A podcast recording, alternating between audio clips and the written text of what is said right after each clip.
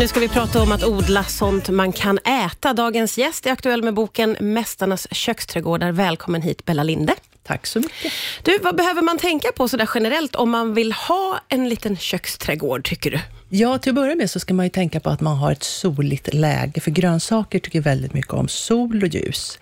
Eh, dessutom så ska man alltid börja med att tänka på att man har en bra jord. Och eh, det bästa knepet är att säga att man, inte säga att man odlar grönsaker, utan att man odlar sin jord. För det är den som gör att grönsakerna kan växa. Och hur vet man att man har med bra jord att göra då? Jo, men då, eh, till att börja med, så, så i en bra odlingsjord så finns det väldigt mycket dagmask. Och dagmask trivs i ett pH-värde, för att gå ner på djupet, liksom, eh, som är runt 6,57. Och ser man att man har mycket dagmask i jorden, så har man en bra odlingsjord. Ja, det är ett bra tecken. Ja, och eh, dessutom då så förstår man att har man mycket dagmask, så har man också väldigt bra mikro, ett bra mikroliv i jorden. Och det är jätteviktigt att mikroorganismerna får jobba på nere under markytan. Och det är maskar och det är småkryp och svampar och bakterier. Och de har ett helt nätverk där nere som förser jorden och därmed grönsakerna med näring och mull. Ja. Om man nu ska komma igång med en köksträdgård, hur viktigt tycker du eh, är det att planera vad man ska göra? Ja, det, ja, det är viktigt att planera att man gör saker i rätt tid. Att man till exempel, vill man odla tomater så behöver man förodla dem för att säsongen i Sverige är så kort. Just det.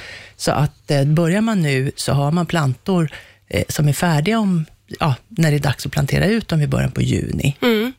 Det är jätteviktigt. Man kan inte, tro, man kan inte stoppa ner ett frö i jorden, ett tomatfrö, och tro att man ska få tomater, för det, man, vi har så kort säsong, Ja, så ja. grönsakerna hinner inte bli färdiga. Precis, så man får läsa på lite och så vara ute i god tid, eller i rätt tid då? I rätt tid, precis. För sen finns det ju andra grönsaker som man inte alls behöver förodla. Jag menar, man kan så, eh, sätta potatis kan man göra när det, jorden håller 8 grader och det är när maskrosorna blommar. behöver man inte ens ha en termometer. Ah. Eh, Så att man, kan liksom, man får ju lära sig lite allt eftersom. Jag älskar den typen av små tricks. Nu Ja. blommar maskrosorna, nu Ja, kan vi stoppa ner med potatisen. Ja. Och då är det 8 grader i jorden. Och sen så allt eftersom då, så värms jorden upp. Så när det är 12 kan man liksom tänka att mm, ja, men nu har det värmts lite. Då är det dags för bönor och, och sen så är ja, samtidigt morötter, Mm. sallader, ja, allting kan man ju så. Ja, och det är ju så att alla har ju inte eh, turen att ha en trädgård eller en plätt. Vissa har ju bara en balkong, men visst kan man väl ha en liten köksträdgård även på balkongen? Absolut, och speciellt om den ligger i söderläge, då har man det topp, toppförutsättningar. Men det går även i andra lägen. Eh, är det skuggigt, om man har norrbalkong, så Ja. kan man inte räkna med att få de här solälskarna som tomater och, och, och gurkor och frodas. Men då kan man odla sallad, för sallad klarar skugga. Ja, ja, ja, okej, då gäller det att hitta lite rätt bara.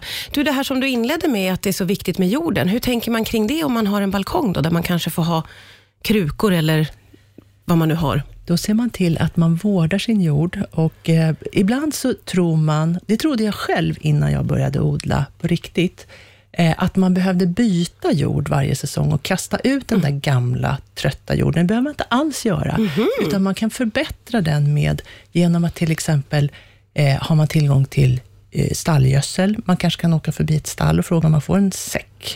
Eh, och så pular man ner den i, i jorden och då får, eh, då får man också med mikrolivet som finns med i hästskiten. Det där är ett jättebra tips. Ja, jättebra. Så då jordförbättrar man och sen kan man tillföra eh, då har man ett, ett mikroliv där i den där jorden. Då kan man tillföra gräsklipp till exempel. Mm. fyller man på med allt eftersom under säsongen. Då får de här typerna som kryper runt i jorden någonting att äta och omvandla till mull. Så att man kan alltså eh, håll, hålla liv i jorden i, en, i större krukor också. Ja, just det. Jättebra tips. Du, om man vill hålla liv i själva skörden under hela sommaren, hur ska man tänka då? då?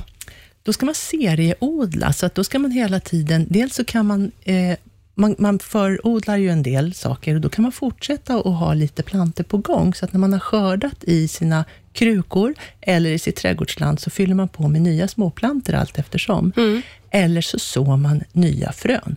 Till exempel skördar man mycket sallad, så ser man till att peta ner två, tre salladfrön i veckan. Ja, ja, ja. Så har man hela tiden på gång. Ja. Eh, och Du hade tips på en bra inkörsport, eller vad man ska säga, för någon som är helt nybörjare på att odla. Ja, eh, alltså är man helt, helt novis så är ju rädisor toppkul att odla, för att de går snabbt. Och man kan så dem tidigt och de kommer upp snabbt, bara några veckor. Så man, liksom, man blir ganska glad. För Man får att äta. resultatet Ja. snabbt. Men sen är ju också squash, tycker jag, en, Ja, en, en rolig eh, gröda. Många tycker att den är lite trälig att äta, men man kan göra ganska mycket roliga grejer. Ja. Men framförallt så spottar den ju sig grönsaker, så att det är ju roligt. Det är väldigt tacksamt eh, och det känns som att man är duktig. Att man, det känns Mm. Ja. som att man har gröna fingrar. Ja, man känner sig, har gröna fingrar så känner man sig rik. Ja, verkligen.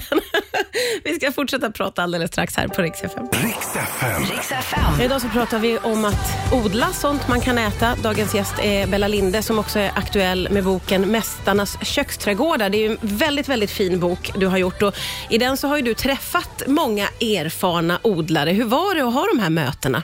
Ja, men det är ju ljuvligt att träffa människor som kan sin sak. Ja, Eh, och vi reste runt, jag och fotograf Lena Granefelt i Sverige och träffade alla de här odlarna. Och dels var det fantastiskt att få besöka menar, John Taylor och Simon Irwin på Läckö slott och en familj i en liten ort som heter Trävattna utanför Falköping som odlar permakultur enligt permakulturprinciper.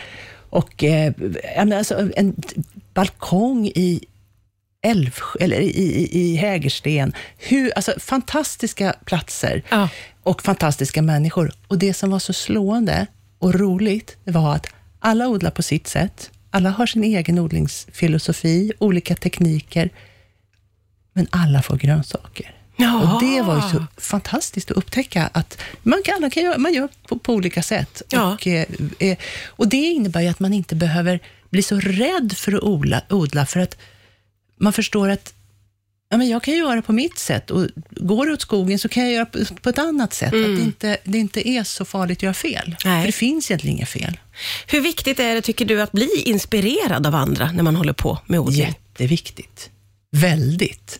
Och det är så roligt att alltså dels att läsa om eh, odling och hur olika människor gör och dels att träffa andra odlare.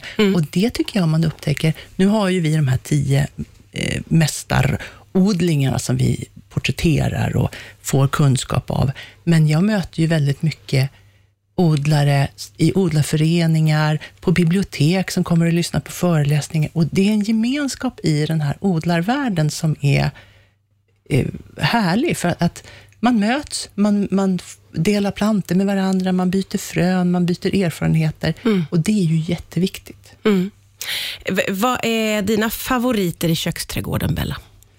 Du menar grönsaksväg? Ja. Mm, jag trodde du menade människor. Då jag säga Jag alla. frågar Då inte jag säga alla Jag odlare. undviker den frågan.